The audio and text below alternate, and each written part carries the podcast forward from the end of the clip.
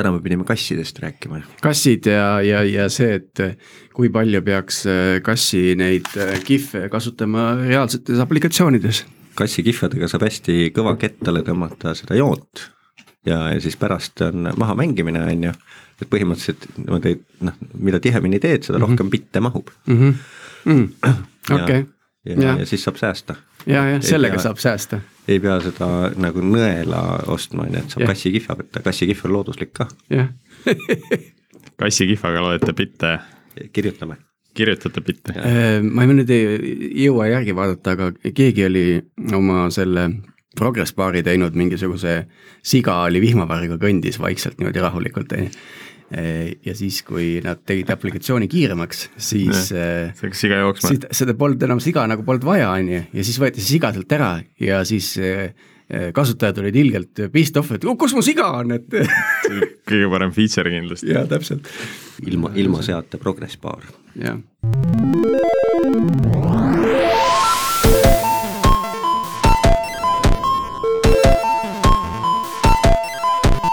Tere, kallid Algorütmi kuulajad, täna on kolmeteistkümnes veebruar ja ärge muretsege, kolmeteistkümnes ja reede tuleb juba märtsis. ehk siis täna on neljapäev ja mina olen Tiit Paananen Veriffist ja koos minuga on stuudios Priit Liivak Nortalist. Priit, kuidas sinul on viimasel ajal läinud? kuule, suurepäraselt, ma möödunud nädalal äh, olen õppinud äh, mitut uut asja, muuhulgas äh, kirjutasin ühe väikese jupikoodi elektronis või elektroni peale siis nagu ikka, asjad algavad sellest, et endal on mingi mure, mida on vaja lahendada. mina leidsin, et mul on hästi palju selliseid context switch'e päeva sisse tulnud ja ma tegelikult ei saanud aru, kui palju neid on. siis ma tahtsin sellist äh, lihtsat shortcut'i, millega ma saaks kirja panna, et ma nüüd hakkasin sellega tegelema ja siis, kui tuleb, keegi helistab, siis kirjutad jälle kahe sõnaga juurde. Äh, muuhulgas ma õppisin ära Apple Script'i ka selle jaoks. aga siis ma sain aru, et see vist on surnud ja Electron suudab suht sama asja teha, nii et kolisin sinna peale mm.. väga lihtne on mingit sellist äh, väikest äh, plönni kokku panna. aga Tiit, kuidas sinul startup teil läks? kuule, läks väga hästi. minu presentatsioon reedesel päeval siis puudutas seda, kuidas Veriff eelmisel aastal kasvas. kuidas me alustasime viie inseneriga ja aasta lõpuks oli meil ütleme, product design ja engineering organisatsioon, mis, kus oli ligi seitsekümmend inimest, et kuidas seda siis äh, teha ja, ja, ja mis on need ohud ja ja sellised äh, võib-olla õppetunnid sellest, et äh, kuulajatele meeldis, tagasisidet veel pole näinud, aga aga selline verbal tagasiside on olnud positiivne. loodame, et läheb linti ka.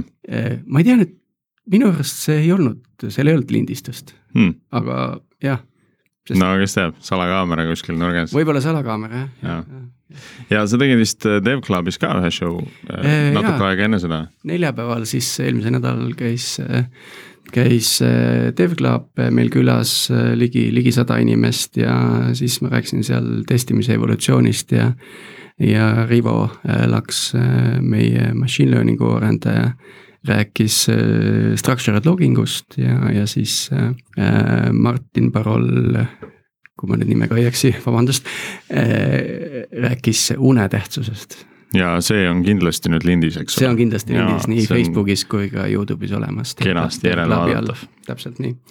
Aga millest me seekord räägime? sellel korral räägime siis äh, pilveteenuste kuludest ja nende optimeerimisest äh, ja meiega on koos stuudios Kalle Volkov ja Martin Pihlak Starshipist, tere! tere! tervist!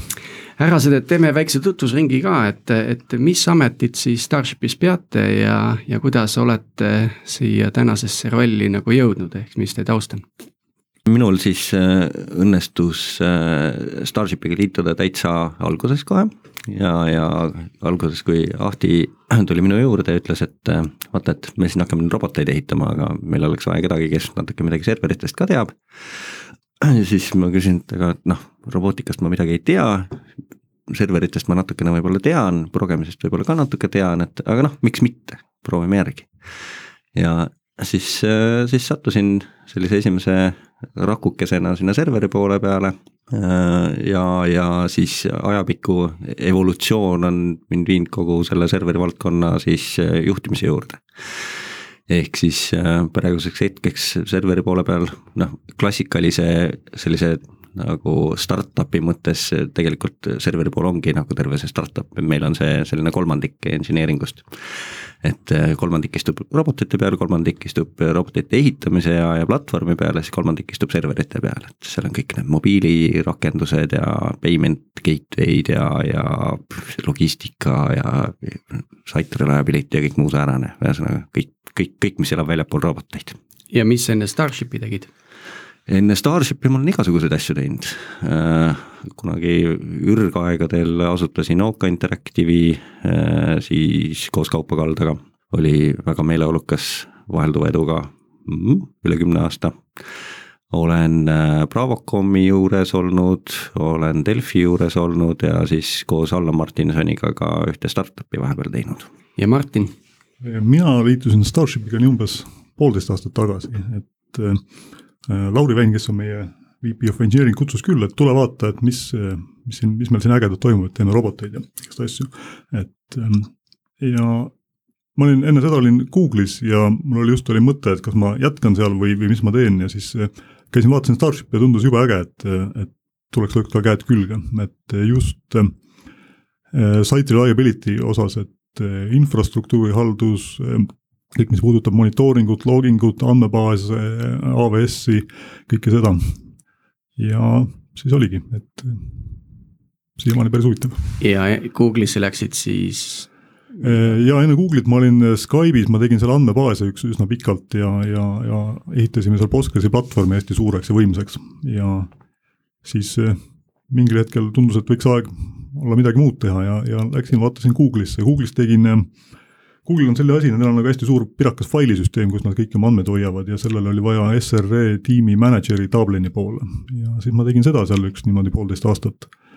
oli, oli ka hästi-hästi põnev mm. -hmm väga lahe, kindlasti ühe episoodi lindistame ka, ka teemal, et et arendajatega, kes on Eestist väljas suurtes internetihiidudes töötanud ja neid kogemusi saanud sealt, et see on kindlasti huvitav teema mm. -hmm aga lähme siis tänase teema juurde, et äh, võib-olla algu-, algatuseks selline küsimus, et äh, kui nüüd täna ettevõte alustab, kas vana majandusettevõtte või startup'i tüüpi, et äh, kas on üldse pilveteenustele mingit alternatiivi tänases reaalsuses? Alternatiivi kindlasti on, selles suhtes, et alati võib minna poodi, osta endale ühe kolaka äh, kalkulaatorit ja, ja siis panna andmed sinna sisse ja teha sellest back-up'i ja, ja ühendada võrku ja, ja, ja teha redundant võrk ja siis redundant back-up ja siis igasugused kõik need muud toredad asjad. kõlab nagu hästi huvitav väljakutse, eks ole? jaa, see on väga huvitav, inimesed kunagi teenisid sellega väga kõvasti nagu palka endale, et selliseid süsteeme üles panna, aga tänapäeval jah, Jeff Bezos ja, ja siis Bill Gates ja, ja tema jüngrid on, on siis päris hästi kokku pannud tegelikult sellise setup'i mida tegelikult ega palju odavam just üleval pidada ei ole, aga selle eest sul on kõik need redundant asjad seal olemas mm,. nii et ütleme, tegelikult palju asju, mida meie noh, ma ei ütle nüüd vanemad, aga aga võib-olla vanemad meist on teinud kunagi ajaloos, on täna ette ära tehtud pilveteenuste pakkuja poolt.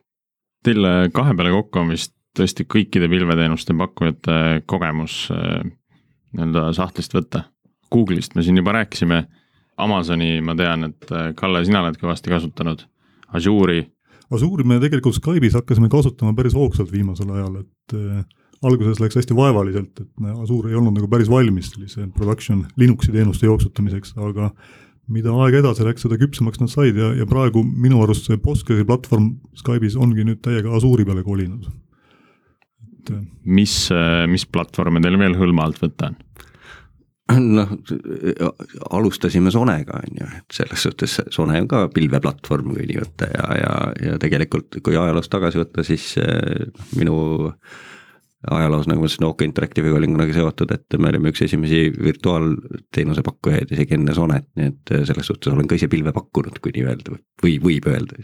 praegu mm -hmm., praegusel pilveks oleks keeruline nimetada natuke Google'i pilve me vist küll kasutanud ei ole, aga ma olen seda natuke nagu seestpoolt näinud ja seal on see kulude optimeerimine on hästi nagu kõrgel, kõrgel prioriteedil, et eh, iga viimane, kui Python on loetud, et noh, seal on ka see, et selline nagu mastaabid on hästi suured, et kui sa nagu ühe protsendi võrra vähendad oma, oma näiteks andmemahtude kasutust, siis sa võid ühe sellise Tallinna vanalinna suuruse andmekeskuse kinni panna lihtsalt, kuna sa oled nii palju raha sellega säästnud, et seetõttu kõik algoritmid, andmestruktuurid, kõik protsessid vaadatakse üksipulgi läbi, et oleks hästi efektiivne see asi aga tuleme tänasesse Starshipi, milliste vahenditega täna üldse Starship pilveinfrat haldab, mis äh, tööriistad ja, ja lahendused kasutusel on?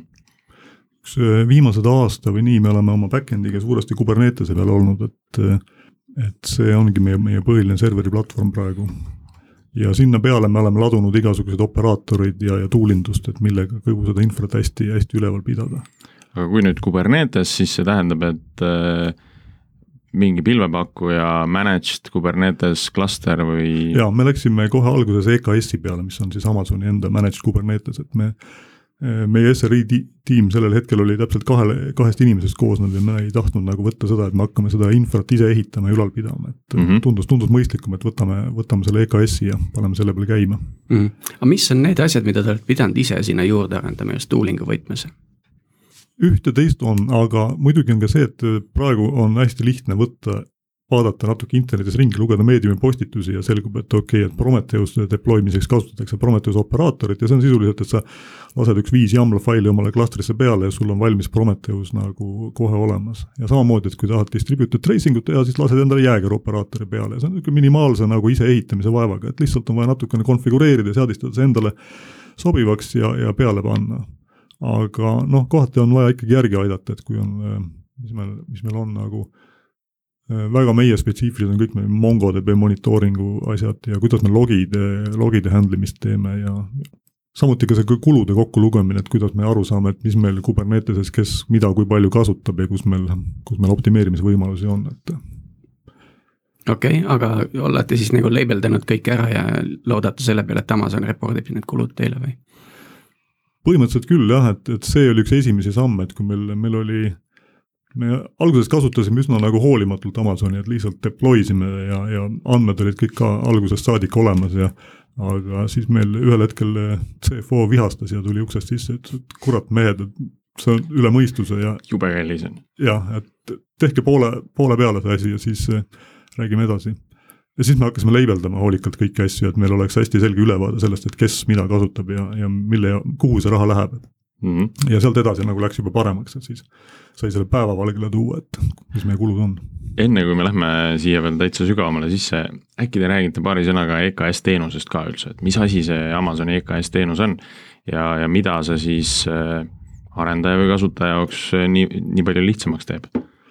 see EKS iseenesest pakub Kubernetese control plane'i ehk siis kogu see etcd ja API serverid ja ta teeb seda niimoodi noh, highly available moel, et eh, sa ise ei pea muretsema selle pärast, et kuidas su etcd üleval käib.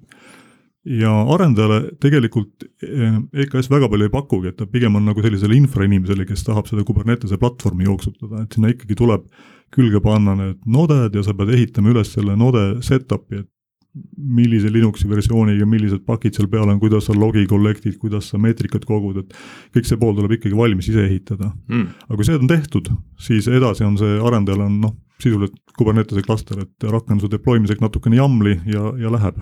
kas see, see kõik, millest sa rääkisid, see logide seadistamine, kas see on, kas see on nagu seadistamise tasemel või seal on, ikka tuleb nagu käsipidi sinna klastrisse sügavamale sisse minna?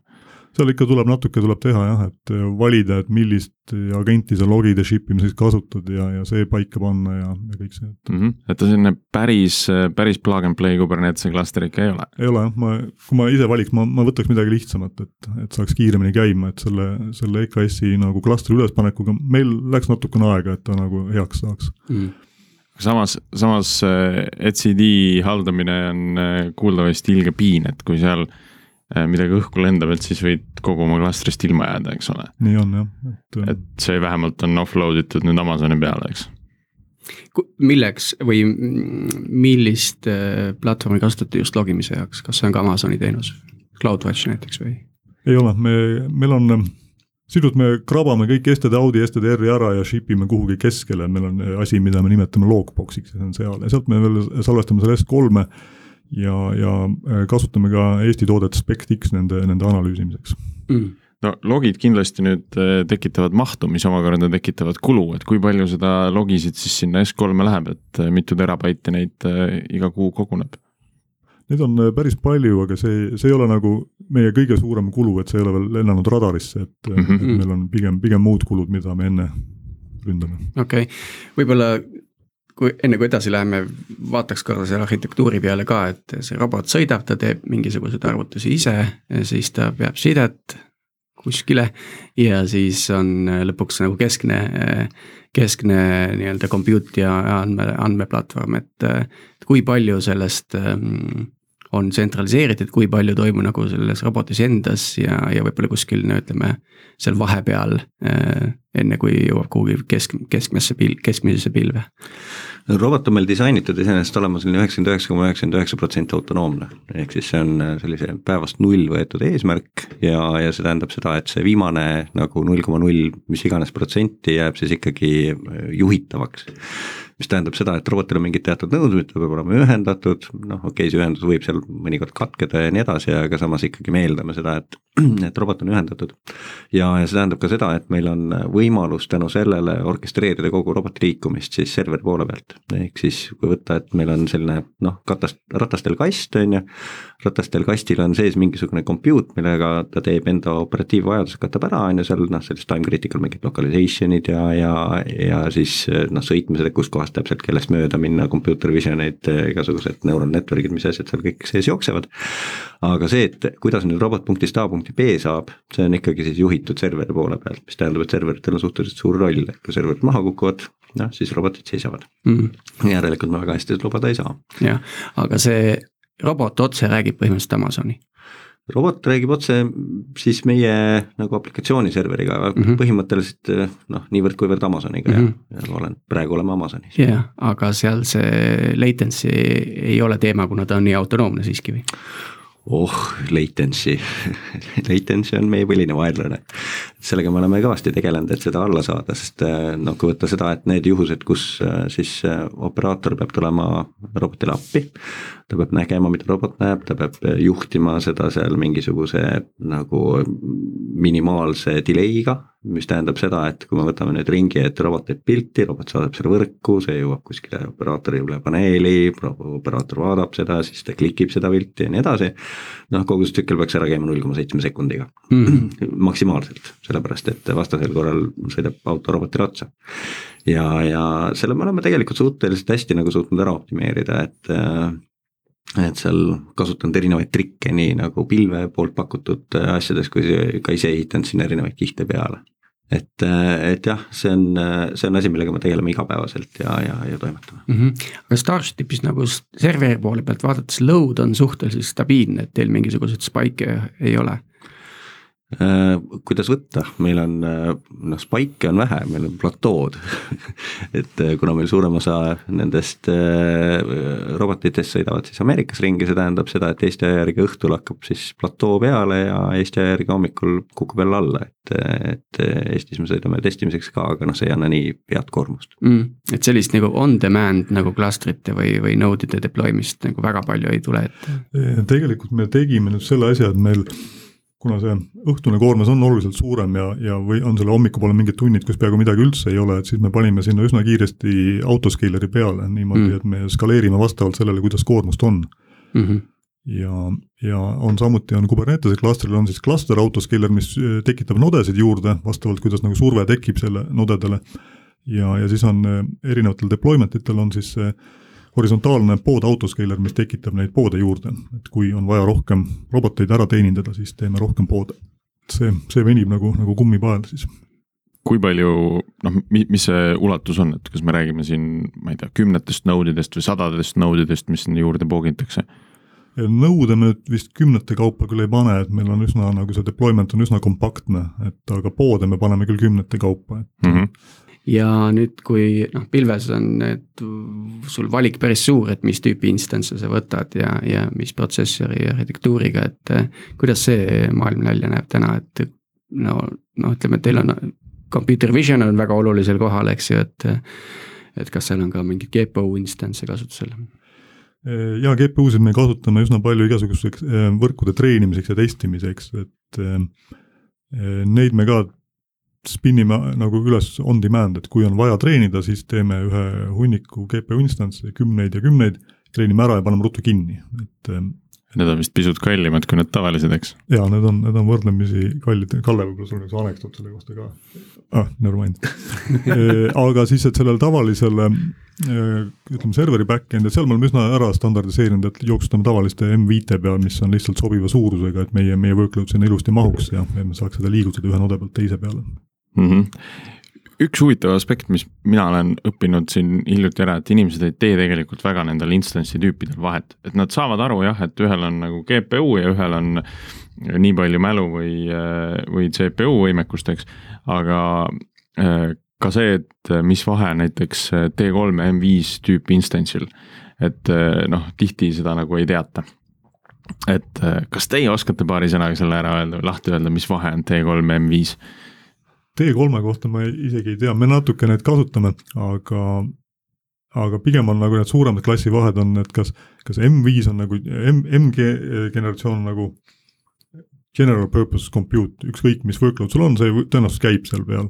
aga näiteks on R-seeria, millel on lihtsalt palju mälu ja võrdlemisi vähe protsessorit, et kui sul on selline workload, mis tahab palju mälu, aga mitte eriti palju arvutada, siis võtad R-i i-seeria on näiteks selline, millel on hästi hea IO nagu subsüsteem, et kohalikud SSD-d ja, ja et aga mõne koha pealt jah, see valik on üsna hägune, et mida, mis olukorras kasutada ja, ja hästi, see menüü on hästi suur ka, et. no mina tean näiteks seda, et noh, T, T3, T siis selle eest tähendab throttling ut, mis siis tähendab seda, et selle selle performance ei pruugi olla nii garanteeritud kui M5 instants itel Äh, samas sa võid saada ka parema performance'i, kui nad lubavad äh, nii-öelda nagu CPU-de võtmes. ja selle throttling uga me oleme mitu korda ka vastu näppe saanud, et me just need T2-l see throttling on väga agressiivne olnud, et kui sul CPU krediit saab otsa, siis ta lihtsalt mm -hmm. keerab sul protsessori kinni ja sa oledki nagu hädas mm -hmm. seal omadega, sa ei saa isegi sinna täitsa kuival.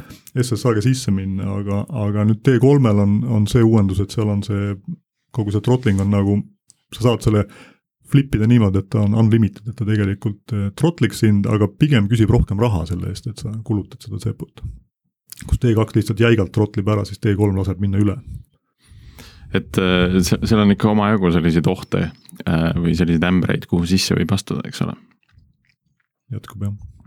okei okay,, aga teil on ka masinõppe teemat kas selle jaoks on ka siis eraldi instantsid või kasutategi neid samu GPU instantse, sest Amazonil on vist mingid täiesti spets instantsid masinõppe teemade jaoks ka. põhimõtteliselt eile, kui ma selle kohta otsisin, siis ma leidsin mõned üles. aga ma ei tea, kas, kas need on kuidagi nagu laialt kasutatavad üldse teie regioonideski näiteks? me ei kasuta neid kui, kui platvormi hetkel, et ma arvan, et meil on võib-olla arendajad, kes oma spetsiifilise use case'i jaoks kasutavad, mis iganes instantse neil vaja on aga, aga osa teenused on, mida me platvormina pakume, on just igasuguste nagu närvivõrkude testkeskkonnad, e, seal me ei kasuta neid, et seal me oleme tavaliste, tavaliste nende P2 e, GPU instantside peal. Mm.. kui nüüd vaadata pilvekulusid, siis kui palju on nagu testimisega üldse seotud, noh üks, ütleme, jagame siis kolmeks, operational, machine learning training ja siis testimine, et kuidas see protsentuaalselt jaotub? Meil on tegelikult niimoodi, et vaata, kuna me hästi palju elame just treenitud data peal, meil on äh, siis äh, päris palju istub äh, S3-s datat, mis tähendab, et me seda loeme selliseks osaliselt nagu operatiivdataks, osaliselt jälle nagu treening dataks, on ju. ja seal S3-s on siis mis asjad, seal on kõik need videosalvestused, mida need masinad teevad? ja meil on seal struktureerimata data põhiliselt, noh, mingil osas struktureeritud ka, aga selles suhtes, et noh, kui võtta seda, et robot sõidab ringi, robot tegelikult kogu aeg salvestab sellist obfuscated low resolution videot, videot, mida me siis salvestame väga korralikult. Äh, lisaks siis robot salvestab ka mingisuguseid teatud situatsioone nagu kõrgema resolutsiooniga videot, mida me hoiame seitsme luku taga nagu peidus mm. -hmm. ja, ja siis on noh, kui võtta, et robot salvestab iga päev nagu mitu terabaiti datat äh, enda nagu rolling puhvrisse ja siis saadab sellest mingisuguseid võib-olla seal kümmekond gigabaiti on ju ülesse, siis on sadu roboteid ja, ja noh, see data tekib seal ühesõnaga üht, üht, ühte jagu. Äh, on niimoodi, et äh, needsamad äh, noh, treenimisvõrgud, millest Martin hetk tagasi rääkis, ongi siis see, et spinnitakse üles mingisugune kakskümmend, kolmkümmend GPU instance'it, siis loeb mingisugune mõnisada teravatti andmeid sealt maha, protsessib need läbi ja, ja, ja siis pannakse hästi kiiresti kinni. aga samas see on ikkagi arvestatav kulu, sest need GPU instance'id on kallid. Nad on vist kas neli või koguni kümme korda kallimad või? Nad on ikka päris, päris palju kallimad ja lisaks on nende availability on ka nagu suhteliselt kesine, et, et neid tuleb tegelikult osta selline see nagu pigem siis turuhinnaga, et mm -hmm. leti hinnaga neid on suhteliselt keeruline saada, vahepeal oligi meil nädal aega või ka paar nädalat seisis lihtsalt nagu kogu selline treenimine, sellepärast et peesosel said GPU-d otsa mm. -hmm. ja siis ta läks poodi, ostis GPU-sid juurde ja siis me saime neid kasutada. Äh, et, et selles suhtes jah, see kogu nagu selline RD kulu on meil päris nagu arvestatav, aga tegelikult noh, jälle olenebki, kuidas nüüd võtta selle S3-e kulu, on ju, et mm -hmm. kui, kui, kui nagu kolm suurt jalga on, on kogu kulude poole peal, et üks jalg on siis compute, teine jalg on storage ja kolmas on networking, et siis noh, seal tulebki kasutada natuke sellist äh, kreatiivsust, et kuidas nüüd jagada neid production kuludesse ja testing kuludesse. ja, ja, ja, ja kus on siis see peamine optimeerimise koht uh,?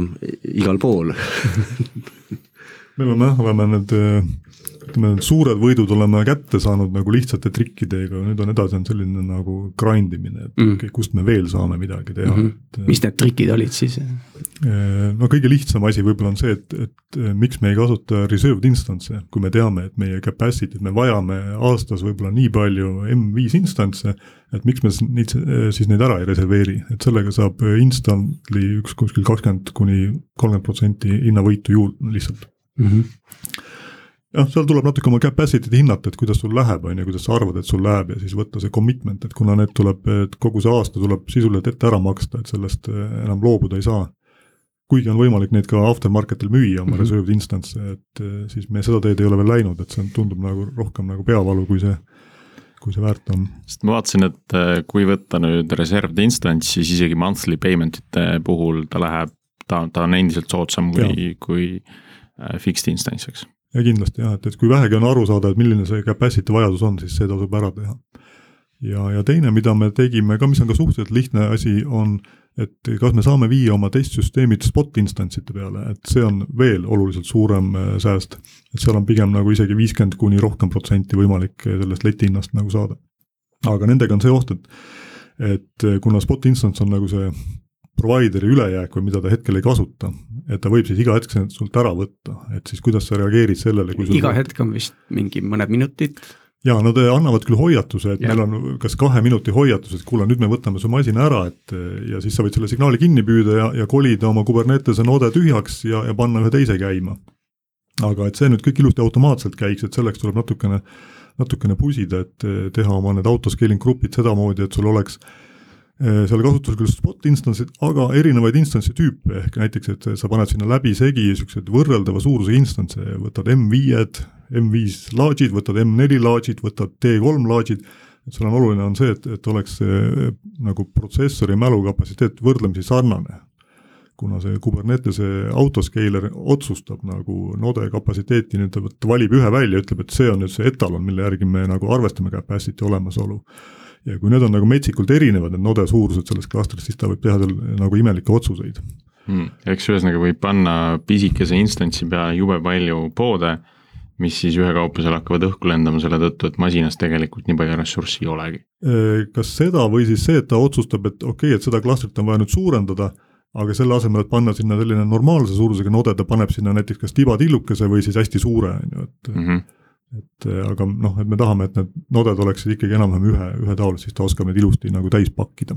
see on väga huvitav, kuidas see, see kulude ja ressursi kalkulatsioon, kui lähedal see on tegelikult nii-öelda või kui palju sellest on automatiseeritud ja kuidas sa seda kõike kokku arvutad, et kas see on nagu käsitöö teil täna või on juba midagi sinna kõrvale ehitatud, mis aitab seda juhtida? Äh, see Amazoni Explorer on hästi hea töövahend mm -hmm. nagu, et sa saad nagu kuu lõpus nagu päris selge pildi, et kuidas mul läks võrreldes eelmise kuuga või ka päeva, päevade lõikes. aga mida me Kubernetese sees toimuva hindamiseks kasutame, on üks Zalando poolt arendatud eh, tööriist nimega Cube Resource Report ja see siis käib ja skännib kogu aeg neid Kubernetese deployment'e ja kui sul on, on deployment'id ja service'id kõik hästi labeldatud, siis ta oskab päris hästi välja tuua, et millised rakendused, millised namespace'id, millised tiimid ja kuhu, kuhu see kulu läheb mm. -hmm. et äh, see on, see on päris hea meil oli üks äh, kakskümmend kakskümmend äh, trend, mida me siin aasta alguses ennustasime, oli see, et, et tõenäoliselt tänasest päevast edasi hakatakse järjest rohkem seda infot näitama arendajale ka. ehk siis arendaja peabki arendama nii-öelda cost aware ehk siis ta nagu valib lahendusi, mis, millel, mil, millel on ka ära tehtud see nii-öelda see võimalik mõju eh, nagu rahalises võtmes. et, et ähm, paljud, kas täna Starshipis arendaja näeb, palju tal asjad maksavad? Me oleme suhteliselt aval- äh,, lahtised selles osas jah, ja, ja isegi mitte nagu äh, lahtised, vaid pigem isegi sellised natuke nagu näpuga näitavad, et, et põhimõtteliselt kui mingisugune tiim hakkab seal koguma enda äh, enda, endale siis sellist nagu krediiti, siis, siis me läheneme ja palume, et, et äkki on võimalik kuidagi optimeerida või noh, kas on mingisugune low hanging fruit'id kuskil mm. -hmm. ja seda tegelikult mitte ainult Kubernetese tasemel, vaid, vaid suhteliselt igal tasemel, ehk siis andmebaasi kasutus, Storage kasutus, samad computer vision'i asjad, näiteks võrgukasutused. Et, et igal pool, et noh, kuna meil eesmärk ikkagi on noh, mõnest Honda Civicust kuus lahti saada mm, -hmm. mida me pesosele annetame, et, et siis siis, äh, siis igalt poolt tuleb natukene nokkida mm. -hmm. nii et arendajale tuleb see info tegelikult kätte, et kui kalliks need asjad lähevad, mida ta on parajasti juurde ehitanud ja,. jah, jah, jah. no kui me rääkisime siin äh, mitmed episoodid juba tagasi tegelikult serverless'ist, siis seal oli äh, noh, üks, üks eelis on see, et, et iga workload'i cost on väga täpselt näha. Et Kubernetesis Amazonis noh, see nii täpselt välja ei paista, eks ole, et seal on pigem sa saad suurte klotside kaupa seda hinda, suurtele klotsidele seda hinda külge panna, eks ole ei ole, selles suhtes, et juhul kui teenuseid korralikult ära labeldada ja, ja, ja äh, nende teenuste noh, trace ida kogu seda asja, jälgida andmebaasi kasutust nagu teenuste ja tiimide kaupa, siis tegelikult on võimalik üsna granulaarseks minna, ehk siis on võimalik öelda, et näed, sinu eelmise nädala töö läks meile siin, ma ei tea, kakssada dollarit kuus maksma, on ju. et, et kas see tasub seda ära, on ju, et noh, a la kulud kasvasid viiesaja pealt seitsmesaja peale, et, et kas sa saad natukene tagasi tõmmata, on ju. Mhm. et, et ega see vahet ei ole, kas sa oled nagu serverless'i peal või Kubernetese peal või tegelikult ka instantsite peal, et, et sama teeb välja. aga räägi sellest äh, veidi lähemalt, et noh, see eeldab ikkagi üsna palju sellist nagu äh, distsiplineeritud lähenemist, et kõik tõesti need workload'id oleksidki korraliku label'iga seal üleval ja et mis see siis tähendab, et Kuberneteses igal poodil on hästi palju label eid küljes, mis äh, määravad tema kuluklassi igat erinevat pidi.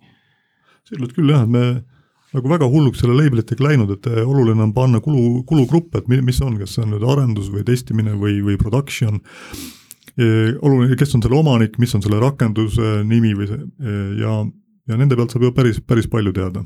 aga see on nüüd poodi tasemel, eks, et kuidas see asi jõuab sinna nii-öelda Amazoni billinguni välja, et kuidas, kuidas sellega võrrelda siis seda poodide label eid see pool ei ole nagu nii ilus, et seal, seal tuleb teha nagu arendust, et see ilusti välja jookseks mm, -hmm. et eh, seesama Cube Resource Report ilmutab selle päris hästi välja, et kui sa tahad näha konkreetselt, kuidas sa Kubernetese klastril lähed, et siis sa võtad selle lahti ja, ja sealt näed juba päris hästi ära, et kuidas, kuidas läheb. sealt siis näeb ära just, just seda poolt, et mingil mingil teenusel vastava sildiga teatud perioodil oli, oli nii ja nii palju poode püsti, nad tarbisid nii ja nii palju ressurssi, eks. ja ta, ja ta keerab selle isegi ka rahanumbriteks, et ta tõmbab Amazoni price list'id endale sisse Aa, ja siis ta arvutab selle välja, ütleb, et ahaa, sinu tiimil läks seal nüüd sellel nädalal nii palju okay.. õigupoolest, mida ta nii hästi ei tee, on see, et ta ei, ta ei pea nagu head ajalugu sellest, et sealt ei ole nagu raske trendi kätte saada, et sa pead teda ikkagi eraldi nagu, nagu scrape ima või seda infot kuskile kõrvale panema mm -hmm. ja sealt trendid kätte saada, aga ta annab sulle sellise snapshot'i nagu, nagu hetkeseisust päris hästi sellega tahakski küsida, et kas on eraldi roll või töötaja, kes sellega tegeleb, sest seal töömahtud tundub nagu päris palju olevat. kes need kulud kokku lööb põhimõtteliselt kogu aeg? On... kes seda jälgib, ütleme? Meil ei, meil ei ole eraldi rolli, et see on nüüd kuidagi minu hobiks sattunud, et ma nagu Aha. ühe silmaga seda nagu jälgin, et. okei okay., kui palju siis Starshipil nagu raha pilveteenuste peale läheb? küsime otse välja, palju maksad ta siis, mitu seda ja. Honda Civicut pesos saab? just, no suurusjärk, ega me. mõned, et, et selles suhtes äh.... see on siis kuu või aasta? kuu. kuu, mõned Honda Civicut kuus saab, saab pesas endale. aga selles suhtes, et ega see noh, vaata jälle seal tuleb see sama mm, temaatika välja, on ju, et et meil on robotid, robotitel on väga palju informatsiooni, mida nad üles laevad, nad kommunikeerivad pidevalt ja sealt lihtsalt kasvab ja mm -hmm. noh, ega ei saaks öelda, et me oleme nagu super tublid olnud Garbage Collection'is me töötame pigem sama efektiivselt kui Java või natukene vähem efektiivsemalt. ja, ja, ja selles suhtes, et ega seda prahti on kõvasti, mida meil koristada tuleb siin järgnevatel aastatel. okei okay,, et kui, kui nüüd Starship kunagi sinna Amazoni peale kolis äh, ja EKS-i võttis, siis oli siis selline äh, Wild West. et äh, kõik tellisid omale uut ressurssi juurde, nad vajasid, tahtsid uut teenust paigaldada lükati aga uued poodid üles ja skaleeriti nii kõrgele kui vaja. ja nüüd siis olete selles faasis või noh, õigemini nüüd olete juba natuke aega selles faasis olnud, kus, kus seda äh, koristamist ja, ja kokkutõmbamist tehakse?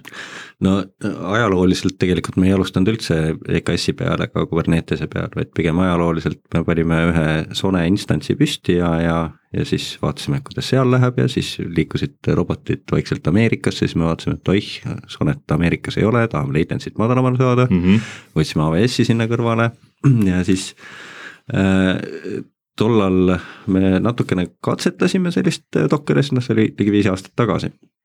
et siis kogu see arhitektuur oli veel natukene toores ja, ja vaatasime, et noh, läheneme klassikaliselt, et hakkame neid EC2 instantseid üles spinnima ja Terraformiga seal lükkama ja, ja noh, dataga ka, et ega data tuleb sisse, lükkame selle rahulikult pilve ja las ta seal elab, et palju seda datat ikka tuleb nendest paarist robotist.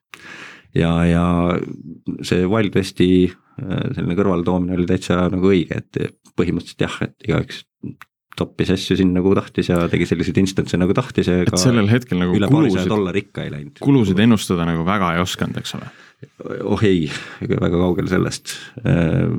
üks eh, huvitav situatsioon tuleb meelde algusaegadest, kus me üritasime siis nagu Amazoni seal hakata või noh, andmebaase hakata optimeerima, et kuidas lükata seal peale, katsetasime erinevaid setup'e. Ja siis kogemata unustasime eh, ühed SSD kettad nagu garbage collect imata ja, ja instantsid võtsime ilusti maha, kettad jätsime alles ja siis järgmise kuu alguses tuli meie lugupeetud äh, VP of engineering ja ütles, et poisid, kas te teate ka, mis te tegite, tuli eelmise kuu arve tuli kolm tonni. Ma ütlesin, et oh fuck, see läks nüüd jamaks kiiresti korjasime selle prahi kokku ja, ja, ja siis saime kuludega jälle kontrolli alla, et noh, sadades dollarites ja mõtlesime, et noh, hoiame nüüd siin, et proovime mitte üle tuhande dollari minna. aga noh, läks natuke käest ära. ja, jah, need pilvede, pilve, kui sul monitooringut peal ei ole, siis äh, endalgi on eelmisest aastast üks kogemus, kus testkeskkonnas üks teenus läks luupima ja. Ja arve oli viis tuhat suurem järgmine kuu ja siis selle kaudu me tegelikult selle lõpuks avastasime, et äh, sellised asjad kipuvad seal juhtuma pilves.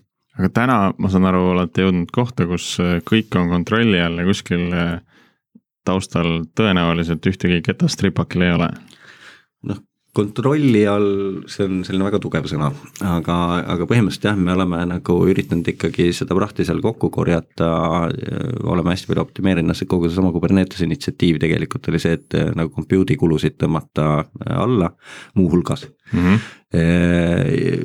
Data retention, igasugused muud sellest asjad, Martin äkki oskab sellest detailsemalt rääkida, ta on hästi palju energiat sinna pannud mm. -hmm muidugi meil on üks asi, et me tahame, et meie roboti deliver oleks hästi efektiivne ja siis me mõõdame seda ja me paneme sinna sisse erinevaid nagu, mis komponendid seal on, et kui palju meil läheb operaatorite kulule, kui palju läheb serveritele. ja see, et kui palju me nagu serveri kulu per kilomeeter teeme, et see on kogu aeg nagu silme ees nagu põhimõtteliselt iga nädal tõmmatakse seina peale üles, et nüüd läheb niimoodi selle asjaga. ja see, et kui ta nagu kogu aeg nähtaval on, et see muudab inimesed juba natukene selliseks säästlikumaks või nad mõtlevad, okei okay,, et kas ma siin teen sellist asja ikkagi mm. -hmm. et kui see meie delivery kulud üles ajab, et, et see nagu ei ole mõistlik asi, et mm. olekski huvitav küsimus, ma ei tea, kas te saate sellele vastata, aga proovin siiski. et kui ma sõidan oma Defenderiga, siis mul läheb umbes kümme liitrit sajale. palju siis eh, Starshipi robotil läheb per sada? selle kohta tegime hiljuti äh,, tähendab selles suhtes, et üks asi on nagu rahanumber, teine asi on üldse selline ökoloogiline jalajälg ja, ja, ja põhimõtteliselt on niimoodi, et äh, meie robot on vist oli kolm korda efektiivsem kui Tesla mm Mhm. -hmm. siis äh, per kilomeeter nagu selline energia või noh, siis jalajälg nagu universumile Mhm. äh, on. kas seal on ka sisse arvestatud see prima-, primaarenergia kulu, mis selle roboti ehitamiseks läheb või ainult sekundaarenergia ehk siis selle kasutamiseks? pigem sekundaarenergia okay., ehk siis äh, samamoodi nagu noh, Teslale Jah. et äh, et oleme võtnud nagu energiakulu, mis kulub siis äh, roboti vedamiseks, pluss siis seal serveri ja, ja muud sarnased Mm. kulud ja, ja, ja võrgukulud ja muud asjad. väga lahe, see on ju promising. jah, varsti siis järgmine eesmärk on äh, kümme korda efektiivsem noh, sinu Defenderist me oleme, olemegi kümme korda efektiivsemad vähemalt isegi rohkem aga mis, mis lahendusi te veel olete kasutanud selle kõik, kõikide nende kulude allatoomiseks, et me rääkisime siin äh, äh, sellest, et enda nii-öelda tuba tuleb korras hoida, et hakkame nagu lihtsatest asjadest pihta ja vaatame üle, mis kasutuses on. Siis see, et hoida arendajate silma all tegelikult need kulud on ju. mida siis veel on ette võetud, et, et äh, optimeerida seda ja kulusid hoida kontrolli all? no kui la- laialt vaadata, siis meil on nagu kolm suurt artiklit, et kuhu kulu läheb, et on compute, storage ja on võrk. et compute'ist me vist enam-vähem rääkisime, et seal on see spot instantsid ja reserveerimine mm -hmm. ja siis üldine optimeerimine. Storage'iga on, on nii, et S3-e puhul on ka võimalik kasutada erinevaid storage'i klasse, et mm -hmm. ei pea kõike panema sellesse kõige kallimasse, mis on nagu alati kättesaadav. et eh, me kasutame seda, et me vanemad andmed, vanemad kui kui kas kuu aega või nii, liigutame infrequent access'i peale, mis eh, põhimõtteliselt on kaks korda odavam kui see tavaline frequent access. et see tähendab siis seda, et neid on aeglasem lugeda tõenäoliselt Neid isegi ei ole mitte aeglasem lugeda, vaid eh, lihtsalt Amazon pillib sind access'i pealt, et kui sa neid andmeid loed, siis ta küsib okay. veel selle access'i eest raha. kui sa ütled äh, talle ette, et ma nüüd neid andmeid väga tihti lugeda ei kavatse, siis ta suudab selle kuskile äh, enda jaoks optimaalsemasse Mhm. storage'isse nihutada.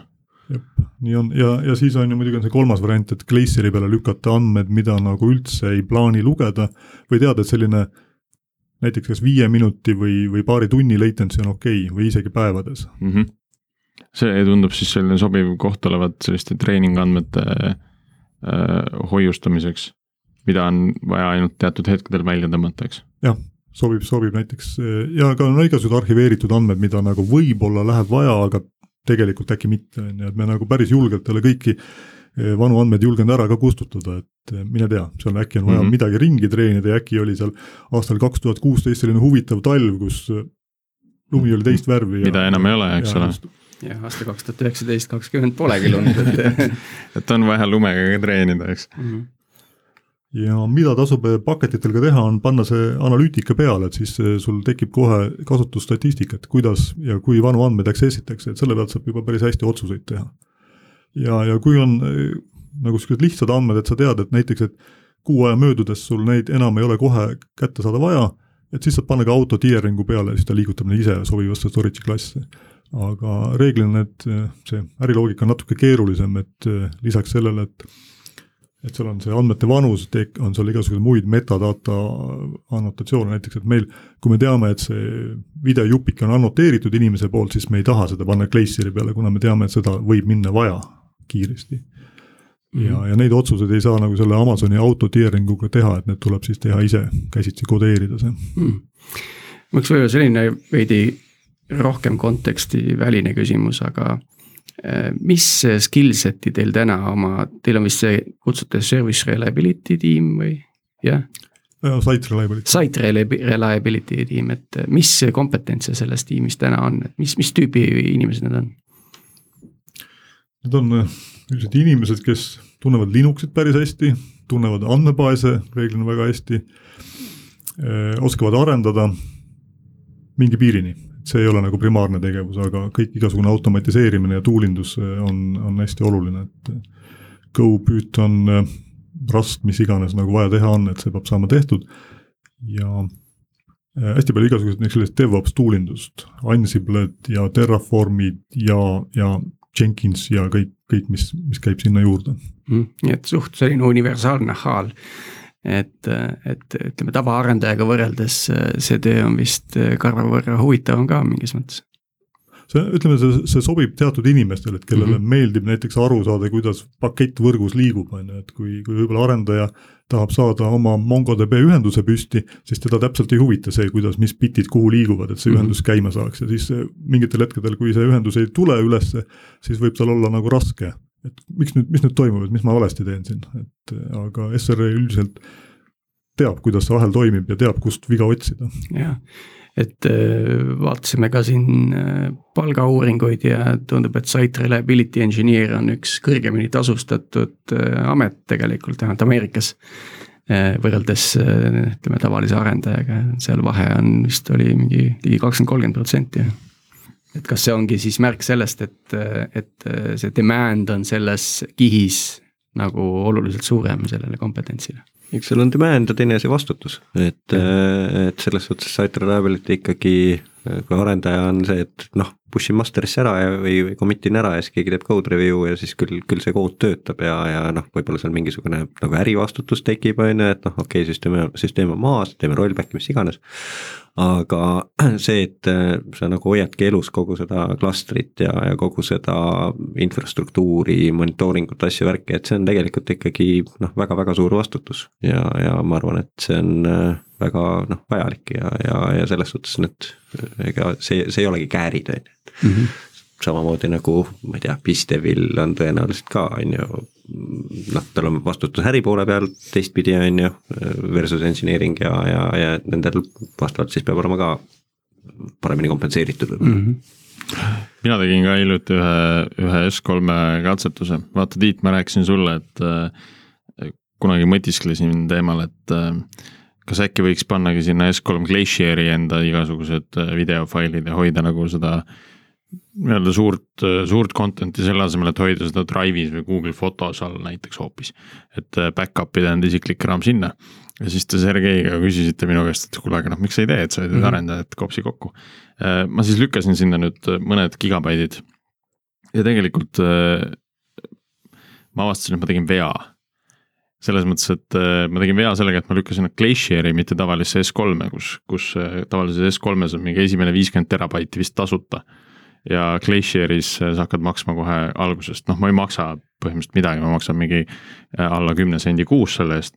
aga, äh, aga ikkagi, et, et näed, ma mõtlesin, et ma optimeerin ja ma panen kuskile hästi optimaalsesse pikaajalisse storage'isse enda need äh, videotoored failid.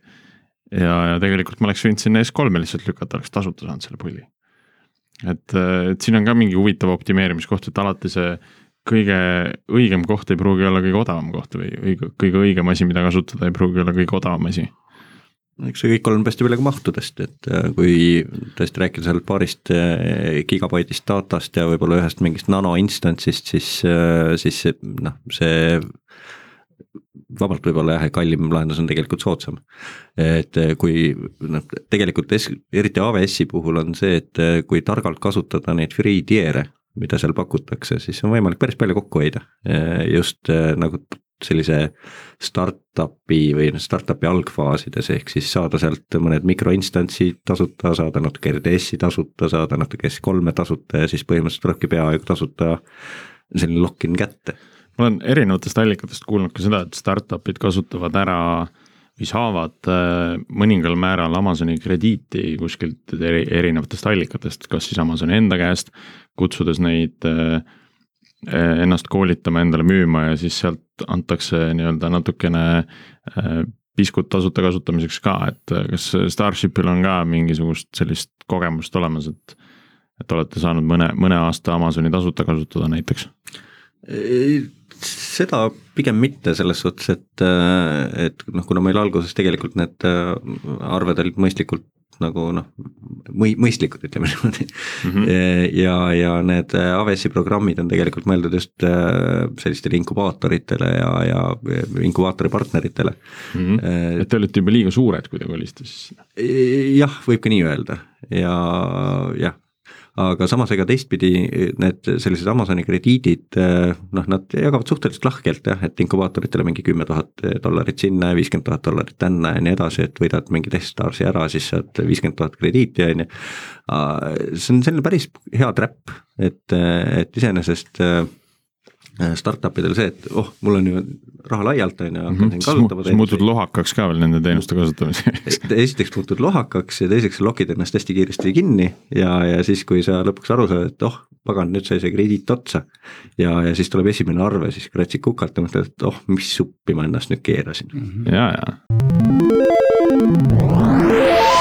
kui nüüd selle aasta peale edasi vaadata, et millised sellised suuremad asjad veel seisavad ees, mida oleks vaja Starshipis teha just infra koha pealt, et mulle praegu tundub, et meie suurim challenge see aasta on, on skaleerimine, et kuidas me saame oma, oma nagu infra ja kogu back-end'i selliseks, et me saame selle äriga, mis meil Ameerikas käib, et kaasa minna, et see on, see tundub päris põnev praegu olevat. aga äh, see, see äri, mis Ameerikas käib, et äh, kas äh, selle jaoks piisab sellest, et lihtsalt olemasolevaid klastreid nii-öelda suuremaks teha või pigem on mõttes, et kuidagi replitseerida seda, neid, neid paigaldusi kuskile, kuskile mujale ja kaugemale? see on nüüd üks mõte, aga muidugi on ka see, et ega meie see back-end hetkel ei ole efektiivseks kirjutatud, et see ei ole olnud fookuses praegu, et ma arvan, et, et kui me sellele natukene pühendume, et me saame, saame selle, saame selle oluliselt efektiivsemalt käima panna.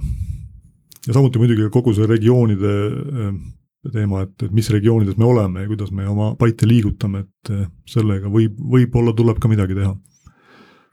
Kas see on ka nagu horisondil, et millal on mahud ja compute nii suur, et kannatab ise kuhugile oma nii-öelda private cloud'i püsti panna, et ta ei ole enam kuskil Amazonis, vaid on täitsa enda, noh, ma ei tea, Rackspace näiteks, Pipedrive sisuliselt saab kaks korda odavamalt võrreldes Amazoniga näiteks Rackspace'ist compute'i hetkel me nii suured ei ole, et, et oma, oma infra jooksutamine eeldaks oluliselt suuremat infratiimi ka ja see on Mhm. üksjagu keerukust, mida me ei taha praegu võtta mm.. ja see eeldaks ilmselt äh, teie puhul paigaldusi siis ka tegelikult erinevates geograafiates, eks?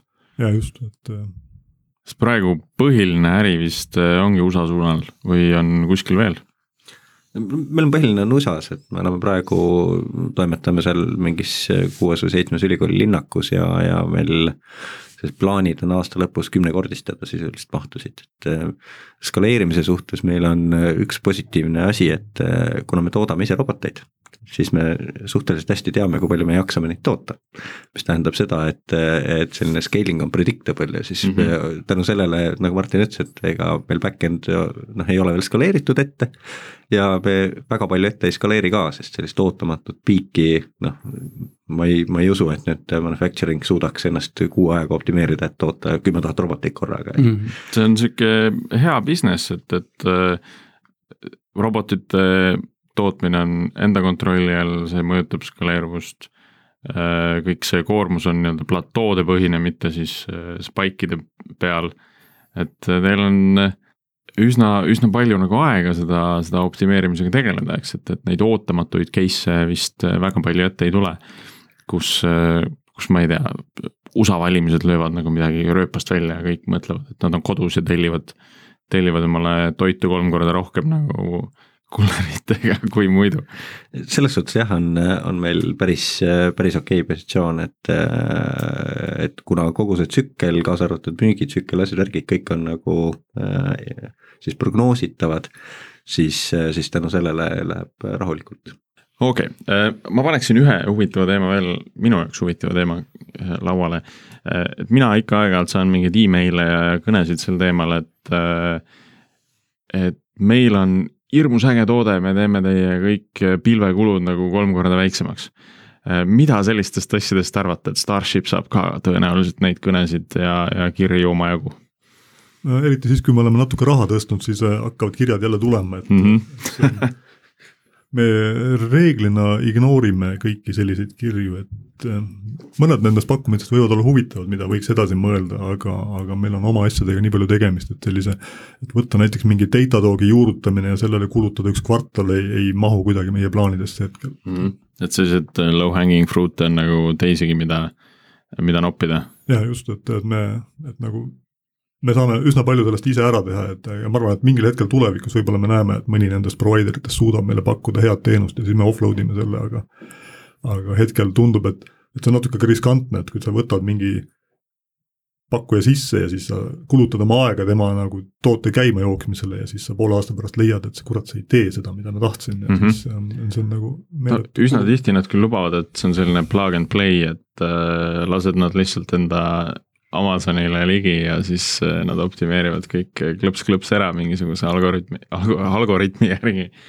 aga mina natuke kahtlen selles ta võib töötada täitsa sellise mikrooptimeerimise tasemel, ehk siis põhimõtteliselt on see, et juhul, kui sul startup, seal ma ei tea, tuhat dollarit kuus näiteks AWS-i kulu ja, ja sul on vaja see alla tõmmata kaheksasaja peale, on ju, et, et sellisel puhul ma arvan, et ta isegi võib võib toimida teatud piirini, iseasi muidugi, et juhul, kui see teenus ise maksab näiteks nelisada dollarit kuu, noh siis sa oled juba lossis mm. -hmm. aga sellisel makrooptimeerimise tasemel äh, nagu me pigem praegu tegeleme, noh, ükskõik, kas võrgu pealt tõmmata alla või data retention, mis iganes, on ju, et noh, see on meil on nii palju neid low-hanging fruit'e, mida me ise püüame praegu, et, et nende kaardistamine, pigem meil jääb energiat puudu, et ise need ära kaardistada ja ära teha aga hakkame siis äh, joont alla tõmbama. Äh, loodame, et siis järjest rohkem roboteid tuleb äh, Selveri kotikesega ukse taha meile kõigile tulevikus ja aitäh. Starshipis oli, ei mis Star, Startup Day'l oli väga põnevad pusad olid mingitel tüüpidel seljas, mis lihtsalt deklareerisid, et robots are coming. et selline hästi sihuke omnius hoiatus oli. väga hirmutav, arvestades, kui okei okay., millised need robotid täna on Pole, pole üldse väga hirmutavad, eks. ei ole, aga aitäh meie külalistele, Kalle ja Martin ja eh, aitäh kuulajatele ja siis järgmisel nädalal jälle uue hooga. Kuulmiseni.